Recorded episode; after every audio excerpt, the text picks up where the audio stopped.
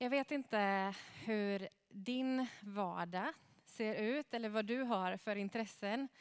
Men den här tiden på året så händer det någonting med mig. Och när jag började titta tillbaka på predikningar så inser jag att exakt den här tiden förra året predikade jag om typ samma sak.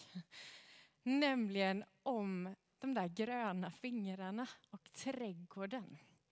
Det är ju någonting med att börja få se hur någonting växer till liv så här på våren.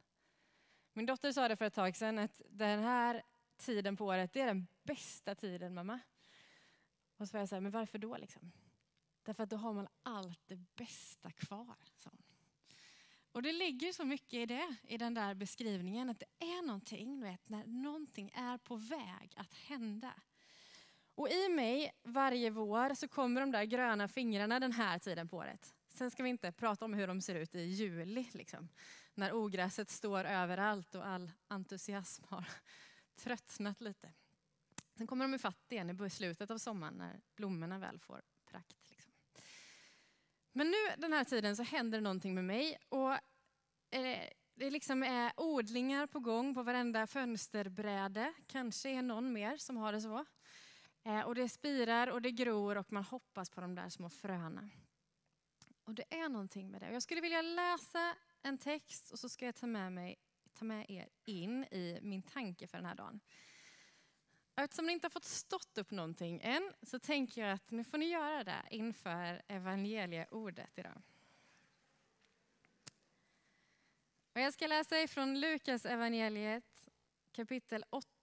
Och om ni inte riktigt känner igen översättningen så läser jag ifrån Nu-bibeln eh, som är en ny svensk översättning som har kommit eh, för bara något år sedan.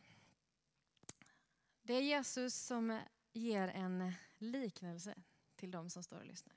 Och det står så här. En dag när mycket folk hade kommit ut till Jesus från de olika städerna berättade han den här liknelsen för dem. En lantbrukare gick ut på sin åker för att så. När han sådde föll en del av sädeskornen på vägen bredvid och folk trampade på dem. Fåglarna kom och åt upp dem.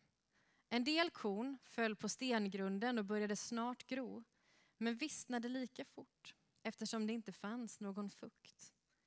Andra föll bland tistlarna och eftersom tistlarna växte upp samtidigt kvävde det plantorna.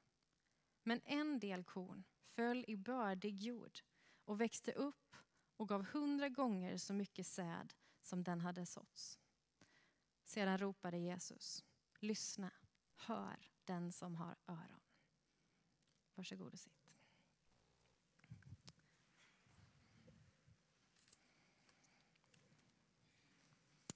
Alltid bra med lite illustrationer, tänker jag.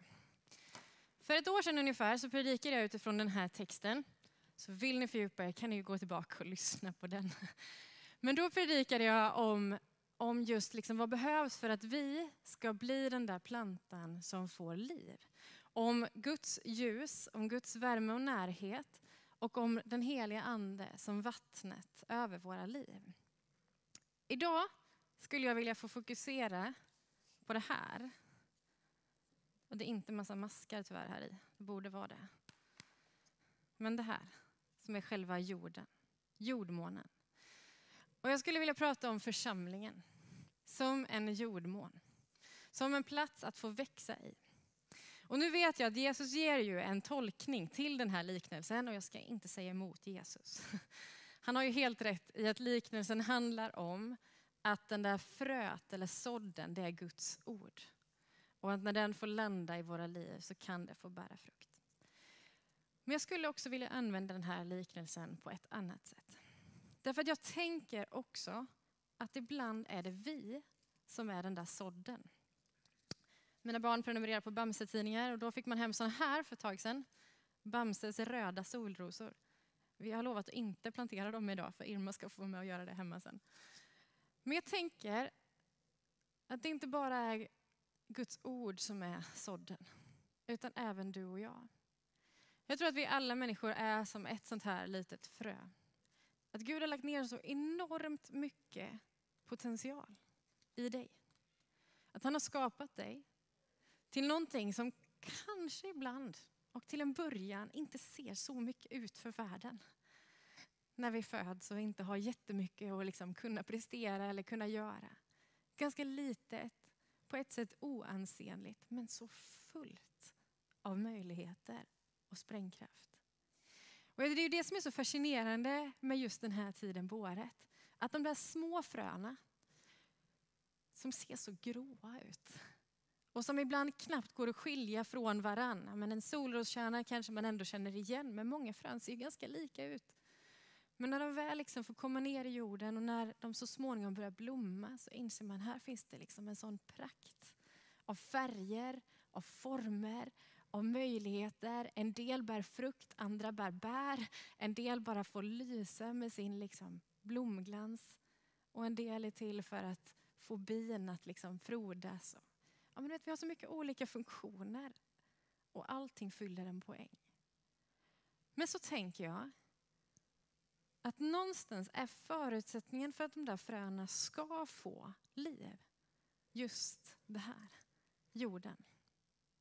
Absolut, jag tror att vi behöver Guds ljus och den heliga Andes vatten. Men jag tror att en grundförutsättning är jorden. Vad är det för jord vi landar i? Och där jag tänker att församlingen är en typ av jordmån. Om de där fröna aldrig får liksom grotta ner sig och nu vet jag att man kan odla i vatten och man kan, ja, men vi ska skippa det lite bara och så ser ni den vanliga trädgården framför er. Alltså om ett frö aldrig får komma ner i jorden, då spelar det liksom ingen roll hur mycket sol det får, hur mycket ljus det får, inte ens hur mycket vatten det får. Risken är istället att vi bara dränker alltihop eller att vi torkar ut alltihop. Det behövs en jord. Det behövs en mylla att få grottas ner i. Och där tänker jag, där är församlingen. Är det någon som vet vad det här är för någon växt? Det är en dahlia, ja. Precis. Det är ju den nya poppisväxten om ni inte har förstått det. Den här ska så småningom ha få blommor som är 25 centimeter.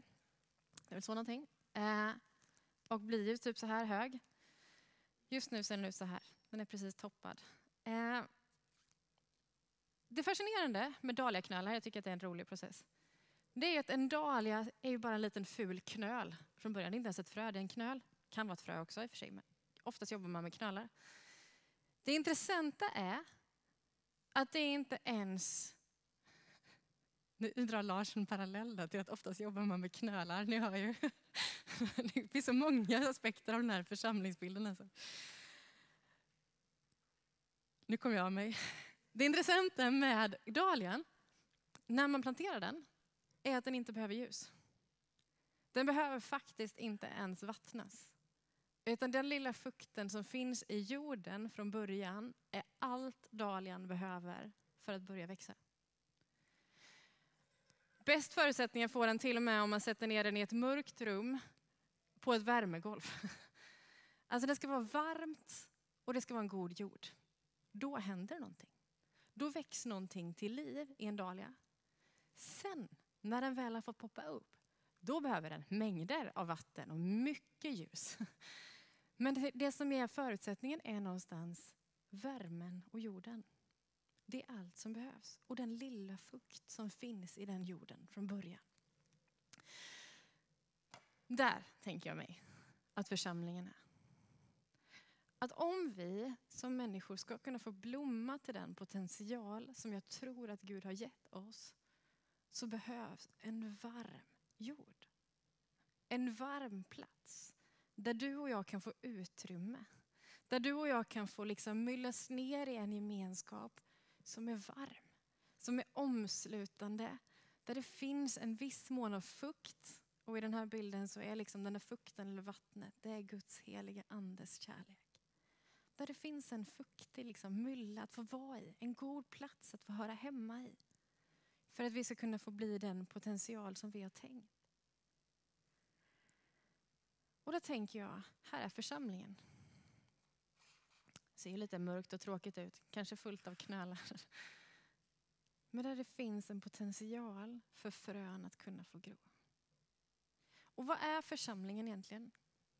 Församlingen är en unik gemenskap på så många sätt. Församlingen är och bör vara en plats där alla åldrar får plats. där alla generationer får vara med. Där det inte spelar någon roll vad vi har för hudfärg eller för bakgrund. Där det inte spelar någon roll hur länge vi har haft en tro eller var vi ens är i tron eller om jag till och med tvivlar. Där det inte spelar någon roll vad jag har för yrke eller om jag just nu inte har ett yrke. Eller om jag kanske inte ens orkar tänka tanken att ha ett yrke för tillfället. Det ska inte spela någon roll. I församlingen är en annan typ av gemenskap. En unik plats. Paulus skriver i Galaterbrevet att där är ingen längre jude eller grek, slav eller fri, man eller kvinna. Alla är ni ett i Kristus. Och så fortsätter han att bre ut bilden om att vi är medarvingar, arvtagare till Jesus. Att vi är Jesus barn, att vi är Guds barn tillsammans. Och jag tänker att i det finns en sån enorm potential. Men för att det verkligen ska kunna få bli någonting så behöver vi vara en kärleksfull gemenskap. I vår vision har vi att vi vill vara en lyssnande församling. Och jag tänker att det är en lyssnande församling utåt, åt vårt samhälle, men det är också en lyssnande församling uppåt. I vad är det Gud vill säga? Vad är det han vill förmedla? Men också en församling som lyssnar inåt, till varandra. Att få höra varandra, lyssna till varandra, att se vem är du? Bakom den där fasaden, bakom det jag alltid ser i kyrkan. Vem är du? Vad drömmer du om? Vad längtar du efter? Vi har under våren det här temat om att vi vill vara en gåvobaserad församling. Och jag tror att församlingen är det. Jag vet att vår församling är det. En församling full av så mycket gåvor. Av så mycket egenskaper. Av så mycket fruktbärare. Av så mycket färgstarka personligheter. Och en del som kanske trivs bättre i skuggan men som ändå fyller en funktion.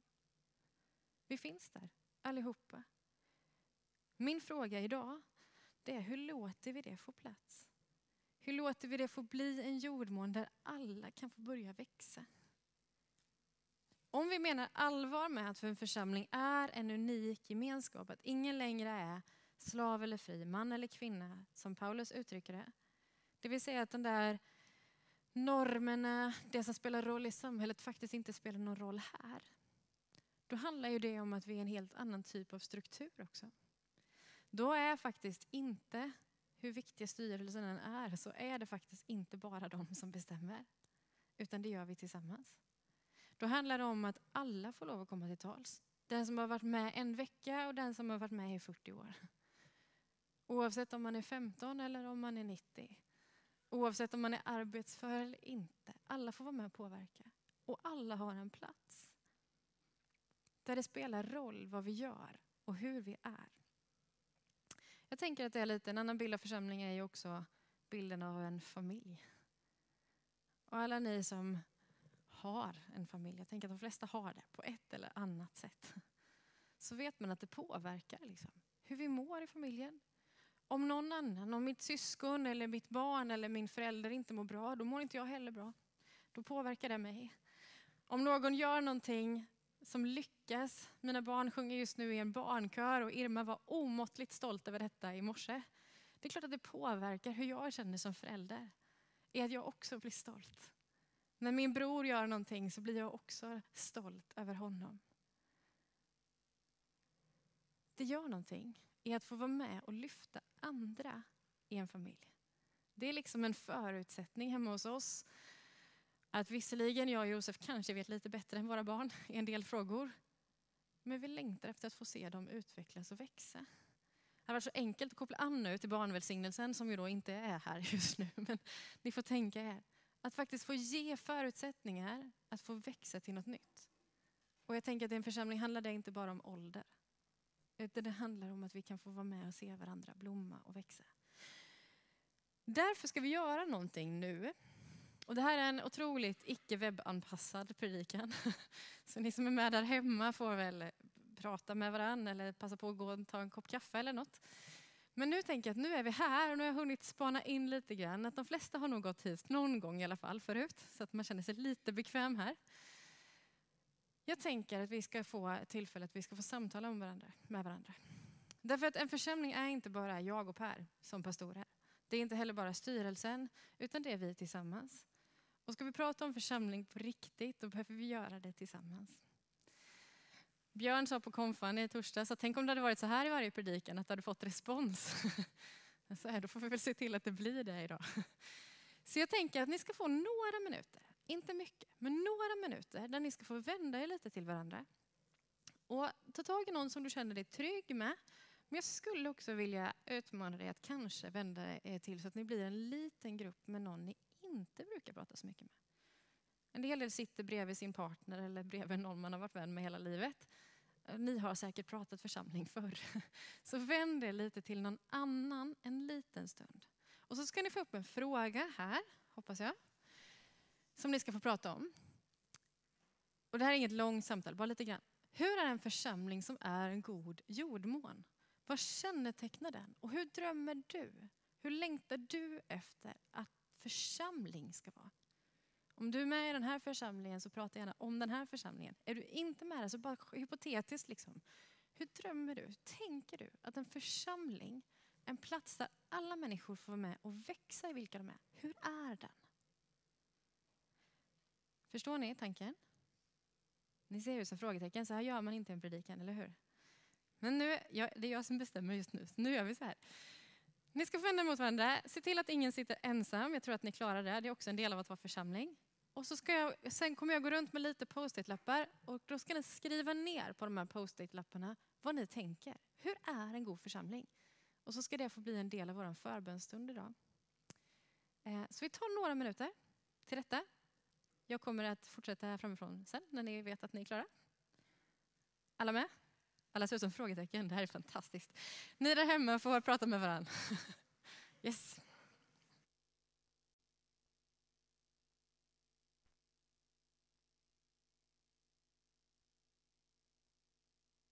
Börjar bli klara. En del har varit klara länge, andra kommer aldrig bli klara. Det är också så som det ska vara, tänker jag. I en församling. Jag fortsätter lite och så får väl Björn och Björn på kanten där borta tystna så småningom.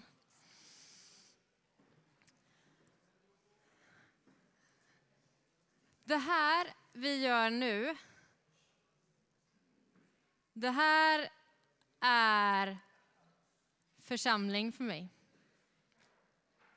Det samtalet som just nu pågår, när vi tillsammans faktiskt får mötas, det är församling för mig. Det är vad jag älskar med församlingen. Att ibland få chansen att möta människor jag aldrig skulle ha mött någon annanstans. Och så får vi mötas som de vi är, med det vi är och bara vara tillsammans inför Gud. Det är ju det vi är när vi möts. Inte bara här inne, utan också där ute. Eller när vi möts ute på byn eller hemma i hemmen. Gud är där vi är. Och att det enda egentligen i grund och botten som förenar oss är att vi är Guds barn.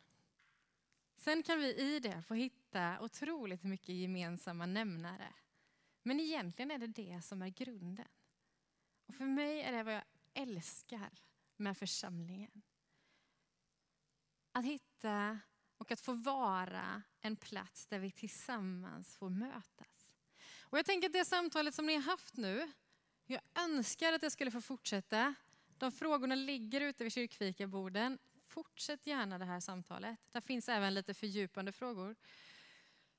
Därför att jag tänker att församlingen är någonting vi gör tillsammans. Ibland, och tyvärr säkert i mig själv, så kommer ganska ofta den där jargongen av att de där i församlingen. Eller det där borde någon göra. Eller nu har de varit här igen. Och jag tänker att församlingen kan aldrig vara de andra, utan det är vi. Det är vi tillsammans. Det är vi tillsammans som förvaltar vad församling är. Det är vi tillsammans som utgör församlingen. Det är vi tillsammans som är med och dels liksom tar hand om den här byggnaden och tänker vad vill vi med detta? Vad vill vi finnas för, för Habo med den här platsen? Men också där vi är och där vi går fram, där är församlingen. Och min dröm och min längtan är att vi tillsammans skulle få vara med och lyfta varandra. Se hur varandra får växa, vara med och uppmuntra varandra. Få höra liksom, hur har din vecka varit? Vad har du sett? Vad har du fått vara del av? Vad glad jag blir för det du har fått vara med om. Eller jag förstår att det har varit jobbigt nu. Jag sörjer med dig. Och jag vill bära dig i bön nu. Är ni med? Liksom? Den bilden, den drömmen av vad församling är och kan vara. På, jag har inte hunnit fråga, men jag ber om förlåtelse efteråt i så fall. Men, men eh, i eh, torsdags på konfen så var jag med och så gick konfirmanden alltid den här high and low. Vad har varit bra och vad har varit dåligt? Och då säger Vera Bäcknäs, jag vågar hänga ut henne, att veckans high, alltså veckans bästa har varit omsorgsgruppen. Har ni hört? När jag var här och städade med omsorgsgruppen. Jag måste ha en fantastisk omsorgsgrupp tänker jag. Men så, så det var så underbart liksom. Det är människor jag inte alls känner. Och så sitter vi där och fikar och städar ihop och det var fantastiskt. Det är en 14-årings bästa på en vecka liksom. Fattar ni? Antingen kan man tänka att hon har ett sorgligt liv, men det har hon inte. Utan det handlar om att hon har ett fantastisk församling. Hon är så tacksam för den. Och jag tänker att det är precis det perspektivet vi ibland borde få upp ögonen för. Att wow, vilken grej det är att få tillhöra församling. Jag behöver inte ens känna de här människorna, men jag kan få sitta här och fika med dem. Och jag kan få städa tillsammans. Det är ibland fantastiskt faktiskt. Vi kan få bygga församling tillsammans. Per brukar ha med i sina predikningar att vi är en församling, inte bara för oss själva, utan för de som har förlorat sina drömmar. är ett mantra som Per ofta hamrar in. Och jag tänker att det är vi, men jag tänker att vi också är en församling för alla med drömmar. Att det är liksom båda de ryms. Både du som känner att jag orkar inte, jag behöver bara få pusta ut. Jag kanske har förlorat drömmarna. Jag kanske just nu inte orkar någonting. Då är församlingen en plats för dig. Men också för alla som känner att jag längtar efter så mycket. Och jag skulle drömma om att tänk om vi skulle kunna få vara med och göra det här. Eller wow om vi skulle kunna göra om detta till det här. Eller tänk om jag fick använda mina gåvor till det här. Församlingen är lika fullt en plats för dig. Och att vi tillsammans får vara med och blåsa på det. Var en god jordmån där det får ta plats och få liv. Jag ska alldeles strax avsluta och så ska ni förstå vad ni ska göra med de här post-it-lapparna. Paulus skriver så här i andra Korinthierbrevet. Och nu handlar det här stycket om en konkret ekonomisk insamling. Men jag tänker att lyssna till detta som om det faktiskt inte bara handlade om dina pengar utan dina gåvor. skriver han så här. Ni har fått allt i överflöd. Tro, tal, kunskap, hängivenhet och kärlek till oss. Se nu till att ni även ger uttryck för dessa nådegåvor. Det är ingen befallning jag ger er. Jag vill bara pröva äktheten i er kärlek. Och så fortsätter han. Det är inte meningen att andra ska leva i överflöd och ni får det svårt. Nej, det handlar om att fördela tillgångarna rättvist. Just nu är det ni som lever i överflöd och kan få hjälpa andra. En annan gång är det tvärtom. På det sättet blir det en rättvis fördelning som det så skrivet. Den som samlade mycket hade inte för mycket och den som samlade lite hade inte för lite. Alltså det är någonting med att jag kan få ta de gåvor jag har. För ni alla har dem. Vi alla har gåvor. Egenskaper, förmågor, drömmar, längtan, känslor, personligheter. Jag kan få ta det jag har och jag kan få använda det jag har. Jobba med det jag har.